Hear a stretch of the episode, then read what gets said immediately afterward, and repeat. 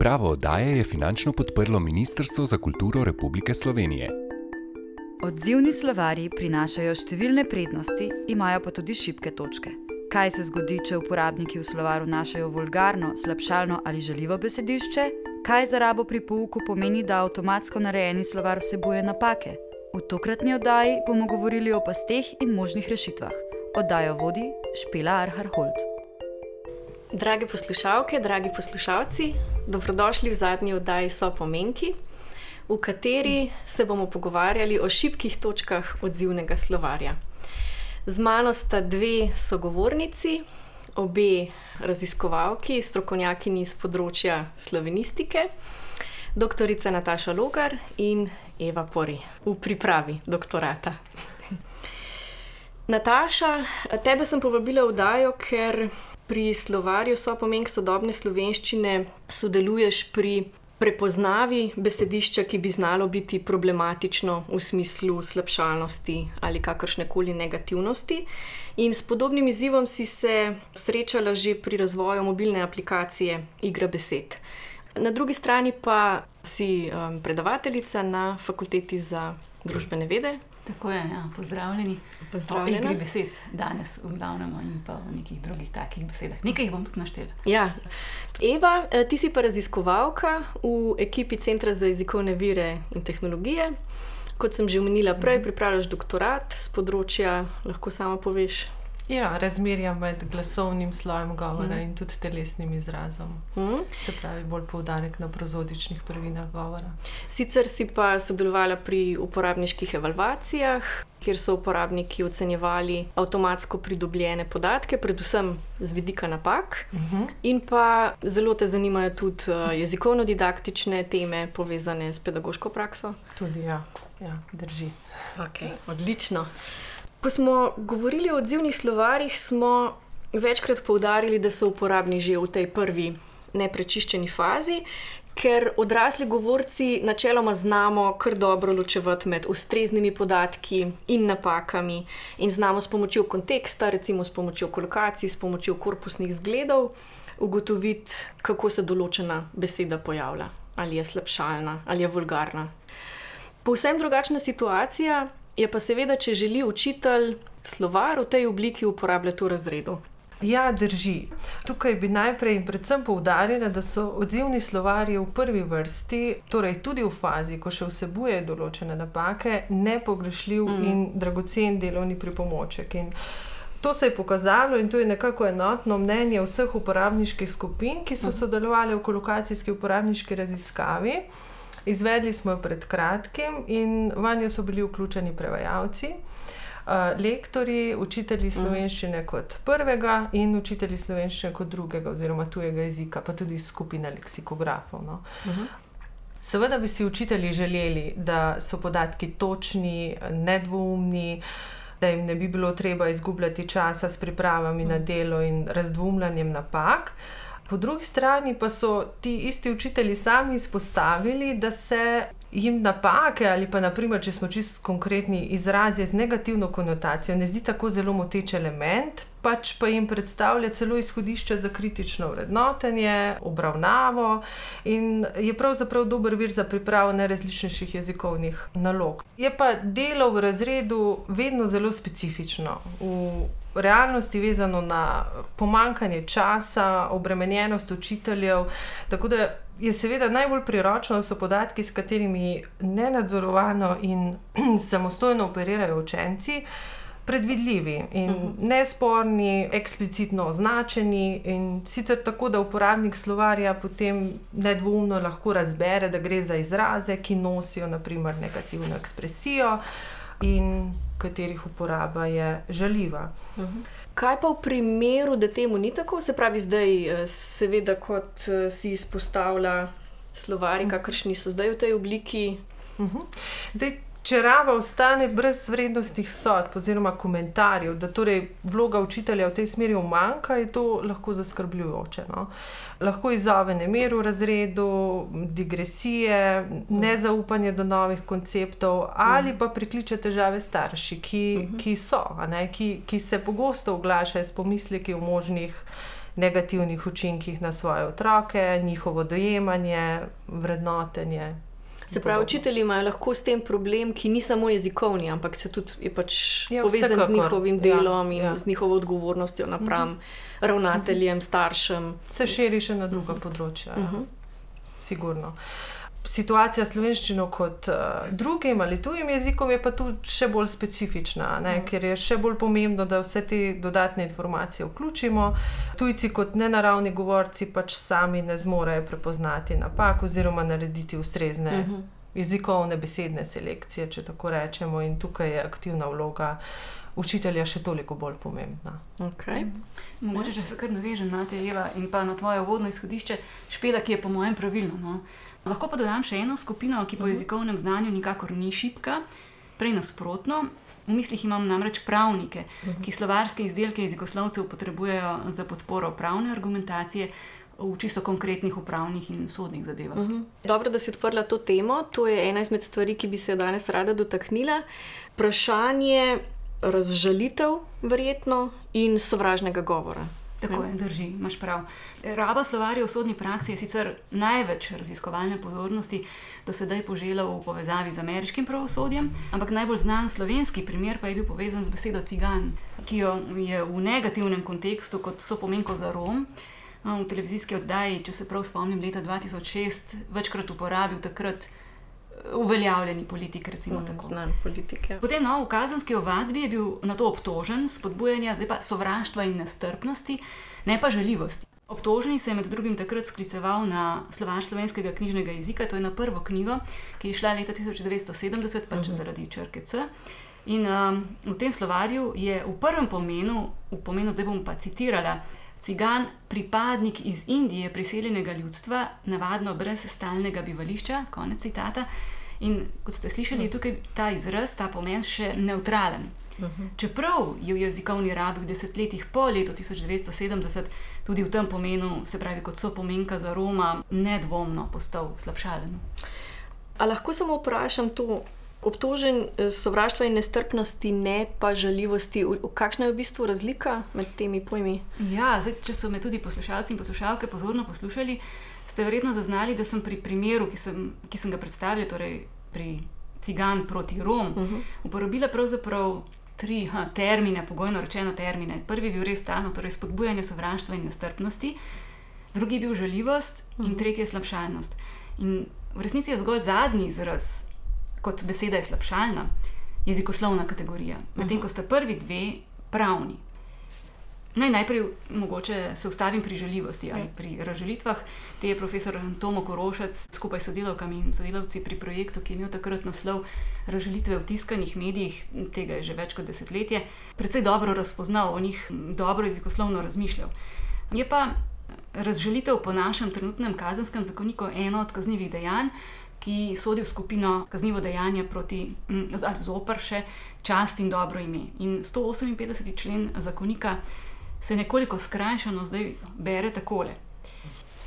Kdor koga razžali, se kaznuje z denarno kaznijo ali zaporom do treh mesecev.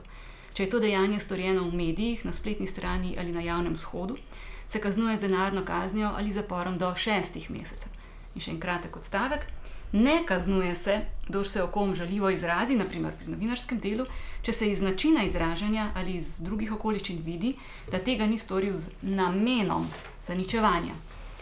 Se pravi, uh -huh. sem javna oseba in, naprimer, novinar me je v svojem besedilu razžalil, odločim se, da bom šla svojo čast braniti na sodišče. Uh, tam moram zdaj dokazati dvoje. Najprej, a, nekako svojo razžaljenost in neke posledice, ki jih je ta prinesla, dodatno. B, recimo, pa tudi, da me je novinar namenoma mm. zaničeval. In kaj bo storil sodnik? Razžaljenost bo seveda razpoznaval v celotnem besedilu in v drugih okoliščinah izreka, zapisa, ne samo pri posameznih besedah. In rekli bi lahko takole: besede, ki gradijo zaničevalnost in izkazujejo njen namen, so res slabšalne, nizke, mm. lahko tudi kako drugače, negativno ekspresivne besede, tudi pogovorne besede. Jezikovna sredstva seveda imajo razžalilno moč, ki je lahko večja, lahko je manjša v dejanju pa se šele v konkretnem sporočilu konkretnega tvorca in s konkretnim naslovnikom. Uh -huh. Uh -huh. In pogoj za žaljivost je torej ta, da obstaja tudi oseba, ki se čuti, da je s to besedo razžaljena. Uh -huh. In slabšalni izrazi, zdaj bom enega navrgla, naprimer bebec, so indic namena razželitve. To je razželitve, ki jo po dokaznem postopku potrdi, lahko pa seveda tudi ne, sodnik. Uh -huh, uh -huh. Ne stori pa tega že jezikoslovec pri posamezni besedi v slovarju, se pravi, uh -huh. toliko o tej tako imenovani ali v narekovajih žaljivosti besed. Kako pa potem se opredeljujemo do sovražnosti, ki pa je tudi tu? Ja, ja, če grem zdaj še k sovražnosti. Torej, sovražni govor je izražanje mnenj, izražanje idej, ki so po svoji naravi diskriminatorne. Tukaj je klicaj in so uperjene proti različnim manjšinam, bodi si etničnim, narodnim, verskim, kulturnim, pri nas recimo izrazito spolnim in podobno. Tu lahko morda citiram kar opredelitev spletne strani, ki jo večkrat pogledam, to je spletna stran, spletno oko. Glavni cilj je razčlovečiti tiste, proti katerim je usmerjen sovražni govor, njegov namen je ponižati, prestrašiti, uh -huh. tudi spodbuditi nasilje. In sovražni govor je pri nas kaznil po 297. členu kazenskega zakonika. Ampak zopet, uh -huh. sodišča so tista, ki na koncu odločijo, ali je bil neki zapis kaznivi sovražni govor na eni strani, ali le bolj ali pa manj ostra oblika nesprejemljivega ali neprimernega komuniciranja. Uh -huh. Pri odzivnih slovarjih, o katerih govorimo danes, se mi zdi najbolj pomembno, da bi bile istočnice, za katere raba kaže, da, tesne, da so tesneje povezane s sovražnim govorom, da bi bile torej te istočnice urejene prednostno. Uh mhm. -huh. Drugo vprašanje pa je, na kakšen način jih označiti. Ja, ja. Sama bi izredno potencijalno sovražnost ločila od vsega prejšnjega, od slabšalnosti, od vulgarnosti in še kakšnega drugega odtenka negativne ekspresije. Mislim, no, da smo kot slovoropisci preprosto dolžni pokazati občutljivost do ranljivih družbenih skupin, se pravi, neko občutljivost, ki jezikovno rabo, pravzaprav nadaljno jezikovno rabo, tudi načrtno uravnava.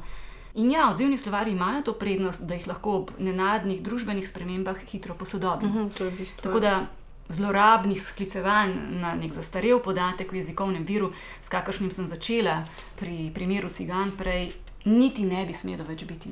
Ja. Lahko pa vrnem vprašanje, uh -huh. ker še bolje od mene poznaš uh, odzivni slovar, so pomen, ste se pri njem v zvezi s tem že kaj srečali ali pa na drug način srečali. Uh -huh. Pri pripravi tega slovarja bi jaz rekla, da lahko ločujemo vsej dva problema.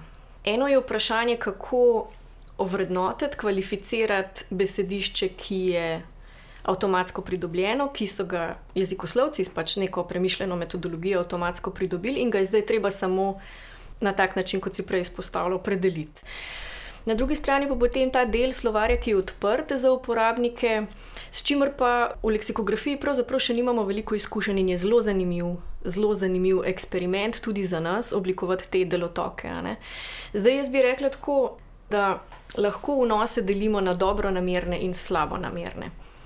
In niso vsi enaki. Ne? Dobro namerni, recimo, lahko, če imaš ti m, zaznamovano istočnico, recimo neko žaljivo istočnico za ne vem, pripadnika določene manjšine ali nekaj takega, uporabnik, ki doda zaznamovano. So pomenko, je morda lahko dobro nameren, ampak seveda mu moramo dati znotraj slovarja možnost, da jo ustrezno označi in pove, da to ni neutralno. Mm. Ni, ni neutralno. Eh, na drugi strani slabo namernost je pa lahko tudi, lahko je ja, lahko je žaljiva, lahko je celo sovražna. Lahko pa gre za neke pobalinske vnose, neke zafrkancije. Ne vem, verjetno bo Eva o tem kasneje še kaj govorila. Če delamo v razredu z dijaki, najbrž jim marsikaj lahko pade na pamet. In uh, v vsakem primeru je seveda na voljo, da uporabniška skupnost sama reagira. Lahko rečejo, tudi sami pripišejo minus in rečejo, tole pa ni v redu. Uh, ampak vseeno je verjetno lahko moteče, če je tega preveč, predvsem mm. za, za šolsko rabo. Ja, mislim, se strinjam. Ja. Ko se bo slovar več uporabljal v razredu, bo verjetno več tudi do vrstnih vnosov. Z mladimi je mm. pač vse le dinamično, ja, nepredvidljivo. Ja, nepredvidljivo. To je dokaj kompleksna tema. Tudi, Na eni strani imamo torej svobodomiselne, mm. ideološko še neomejene mlade, ki težijo k drugačnosti, k mhm. večnemu porazu jezikovnih mhm. predsotkov in nenehnemu sprevračanju ali. Tako bi rekli, reinterpretaciji ustaljenih jezikovnih vzorcev in konceptov. Mm. Ja. Na drugi strani pa imamo učitelje, ki so pod pritiskom časa, ki so razpeti med eh, realizacijo učnih ciljev v skladu z učnim načrtom in predpisanim številom ur, ki jih imajo za to na voljo, in Na drugi strani je realnost, lahko rečemo, dinamika praktičnega dela v razredu, z vsemi motečimi dejavniki, predvidljivimi, manj predvidljivimi situacijami oziroma okoliščinami. In zato se učiteljem zdi pomembno, da lahko povsem neobremenjeno mm. spustijo dijake v slovar, vedoč, da bo za težave poskrbljeno. Ja, da, da je v bistvu to varno. Ja, ja, ker učitelj pri mhm. delu s celim razredom pač mhm. težko nadzoruje, kaj v slovar pisuje, recimo vsak posameznik. Mm. In če bo imel občutek, da raba vera v razredu povzroča več težav kot koristi, mm -hmm. se morda za njo celo niti ne bo odločil.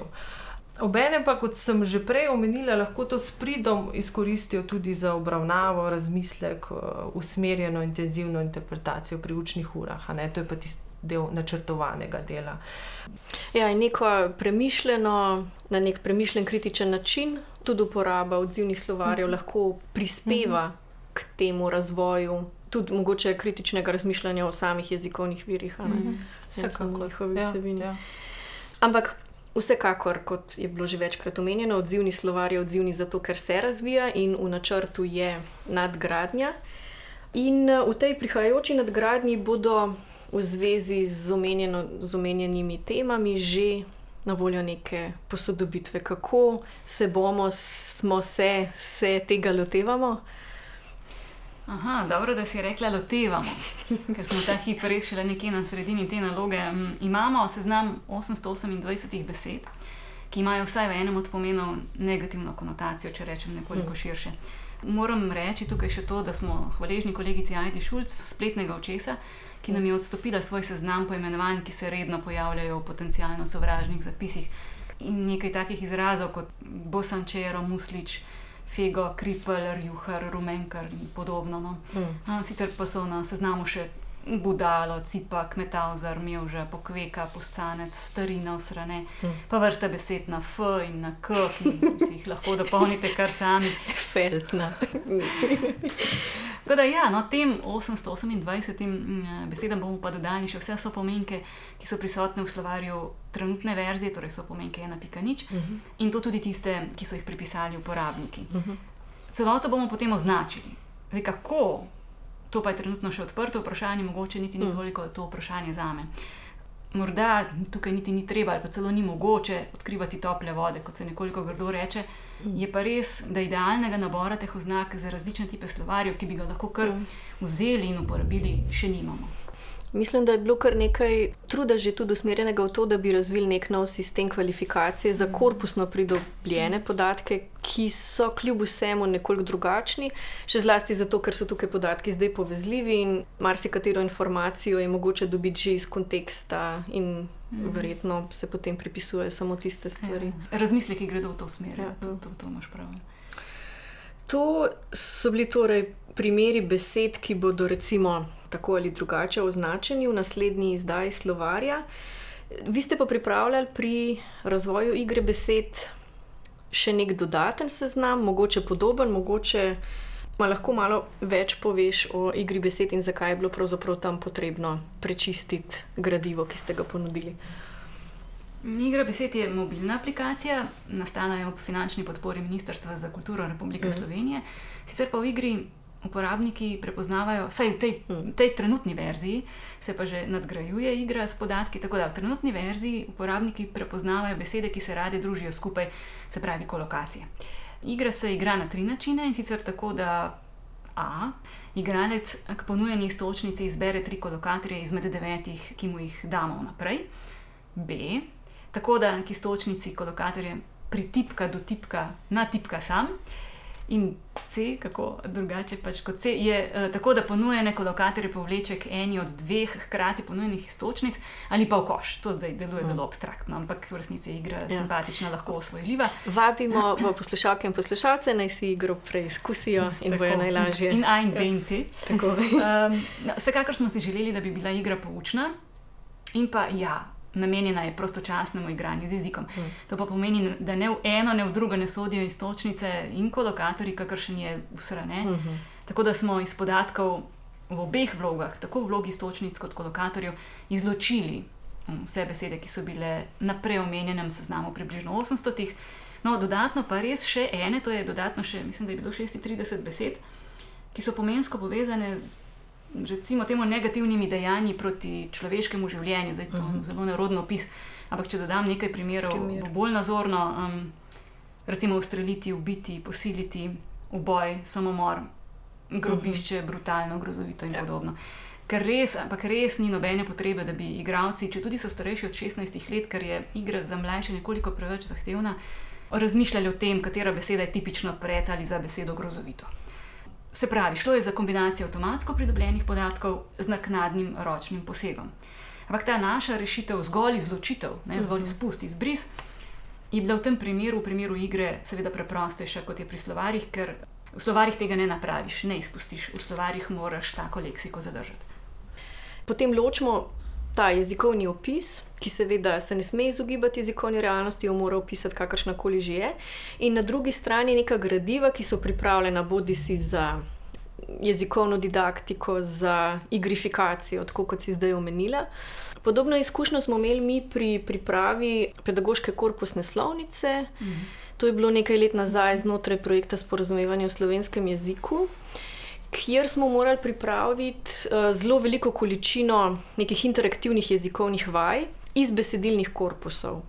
In tudi tukaj smo se pač srečali s tem, da v korpusih lahko najdemo boljše, pa slabše primere za, um, za razred, za jezikovni pouk. In tudi tukaj smo si dovolili, da, ker smo morali izbrati določen nabor, smo pač vedno poskrbeli za to, da smo izbirali tiste, ki recimo niso imela nekih lastnih imen, kar bi lahko bilo problematično, ali pa niso bila vsebinsko prekompleksna, strukturno prekompleksna. In vse te, kar si omenila, grozovitosti, posilstva, umore, vse to smo tudi mi izključevali. Je bilo pa res, res simpatično potem odkriti, da v korpusu šolskih spisov se pa vse to besedišče, ki se ga tako izogibamo, seveda zelo obilno pojavlja, ne? ker berejo o vem, Antigoni, pa berejo o Salomi, pa boj na požiralni računalniku in vse to, kar mi na nek način tabuiziramo, se tam Smo. masovno producira. Ja, ja, ja. Ampak je, je zelo, zelo luštna izkušnja je bila in seveda moramo ustrajati pri, pri tem, ne moramo dati učiteljem to varnost, o kateri je Eva govorila. In uh, ja, zdaj smo pač govorili o tem, kako se izogniti tem.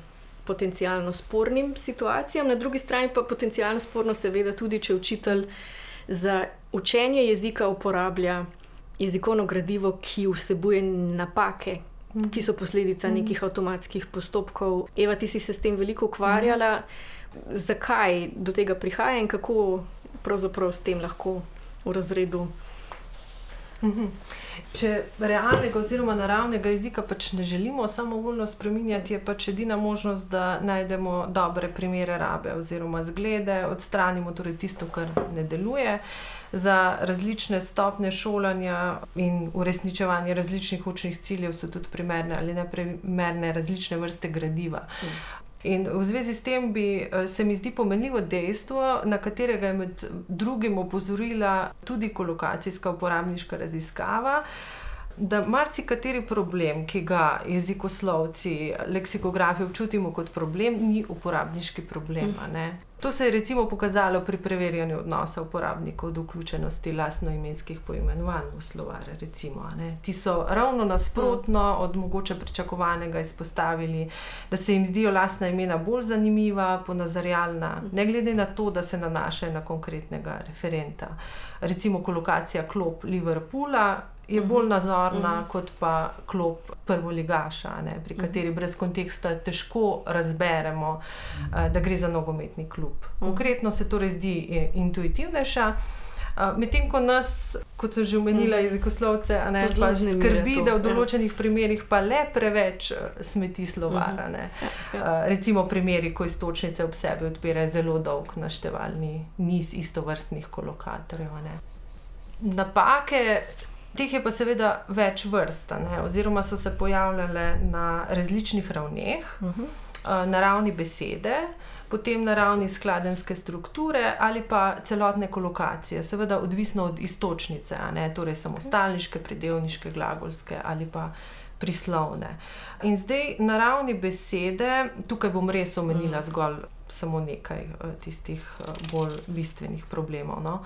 Smo beležili napake lematizacije, To je pač primere, ko je bila kolokatorju pripisana neustrezna osnovna oblika. Tako uh -huh. smo pač recimo dobili skrbna očka na mesto skrben očka. Uh -huh. Potem zaznali smo primere, ko se kolokator ali stočnica vedno pojavlja v določeni obliki, naprimer množini, primerniku, ljub bombon na mesto najljubši bombon, uh -huh.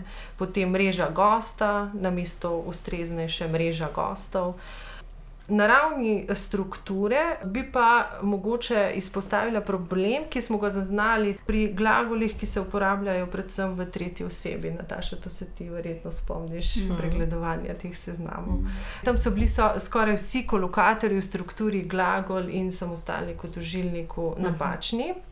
Ker pač obliko skladenski označevalnik ni prepoznal, da gre pri zoreti in jagoda za zvezo, povedka in osebka, ne pa predmeta, recimo jagoda zorija. Ne. Na tej ravni se potem pojavljajo še primeri, ko je kolokatorju pripisana napačna besedna vrsta, recimo težek do alkohola, namesto težje do alkohola. In pa potem so še primeri, taki posamezni, um, ko je recimo glagolski kolokator vedno zanikan, mm. piti alkohol, imamo na mesto ne piti alkohola. Ne. Tretja raven je pa raven kolokacije in sicer tam pa smo identificirali napake, predvsem v tistih primerih, ko je bila kolokacija sestavni del ali pa v celoti stalna besedna zveza ali pa frazeološka enota. Uh mhm. -huh recimo premagati za dlako, namesto za mišjo dlako premagati. Pa potem tudi tako imenovane razširjene kolokacije, ne, ki niso smiselne brez razširitvenega elementa. Zapored premagati, namesto drugi zapored premagati. No. Če lahko zdaj vprašam, uh -huh. samo da si bodo poslušalke in poslušalci lažje predstavljali. Zaradi avtomatskih postopkov imamo zdaj v mhm. slovarju neke podatke, ki na prvi pogled mhm. niso preveč smiselni. Ne? Če se vrnemo k temu primeru z jagodo, na mesto jagoda zori ali pa jagode zorijo, imamo v slovarju zoreti jagodo. jagodo. Ja, uh mhm. -huh. Ali pa boleti koleno. Boleti kolena bolijo. Uh -huh. Ja. In v tem mhm. primeru, potem, recimo, vem, učitelj v razredu klikajo, gledajo jagoda in najdejo zoreti jagodo, in učitelj mora zdaj nekako znati utemeljiti, zakaj je mhm. prišlo do te napake, ali je dovolj, če samo pove. Da najbrž se tukaj nekaj skriva in z dijaki zdaj raziskujejo mhm. naprej. Jaz, jaz bi tukaj mogoče povdarila, da napak res ni veliko in jih uporabniki pri svojem dosedanjem delu niti niso opazili, ne, kar je za nas dobro. Zelo dobro je, verjetno. Eh, z njimi so se pravzaprav prvič seznanili, ko so sodelovali v uporabniški raziskavi, tisti, mm. ki so sodelovali, ker smo pač pri njihovem sprehodu skozi slovar načrtno in usmerjeno preverjali, ali napake opazijo in koliko jih zmotijo, če mm. jih. -hmm. Pokazalo se je, da se jim večinoma ne zdijo problematične. -hmm. Prvič zato, ker so na to upozorjeni oziroma poučeni prek ikone piramide, ki smo jo dodali. Ta piramida pojasnjuje, ali je bilo geslo že ročno uh, pregledano ali ne. Na kateri ja. stopni izdelanosti uh, je geslo. Ja. Okay. In pa drugič, uh, se jim tudi ne zdijo problematične zaradi prisotnosti konteksta, ne? se pravi, možnosti v pogleda v zglede, v konkretne primere rabe, povezave na korpus, kar lahko marsikaj razreši. Uh -huh, uh -huh. Torej, Učiteljem se zdi vir še vedno zelo uporaben in dragocena pomoč, v smislu, kot so sami v bistvu navedli, izhodišč za pripravo nalog, bogatenje besednega zaklada, preverjanje pravilnosti, ustreznosti zvez, zatvorjanje umetnostnih besedil, pisanje poezije, pri obravnavi stalnih besednih zvez in tako naprej. Zdaj, kljub temu, da smo na začetku oddaje napovedali, da ne bomo preveč navijaški in optimistični, se mi zdi, da smo kljub uh, razkrivanju šibkih točk uspeli uh, obdržati optimističen in konstruktiven pogled in navdušenje nad odzivnim slovarjem in njegovo prihodnostjo. Bi radi eh, dodali še kaj za konec? Lahko. Mislim, jaz sem predvsem navdušena nad uporabniki. Mm -hmm. A se nisi sprašvala samo takih, ki so ti vnaprej obljubili, da bodo? Uh, nobenega niti poznala nisem, tako da so bili povsem na ključno izbrani uporabniki.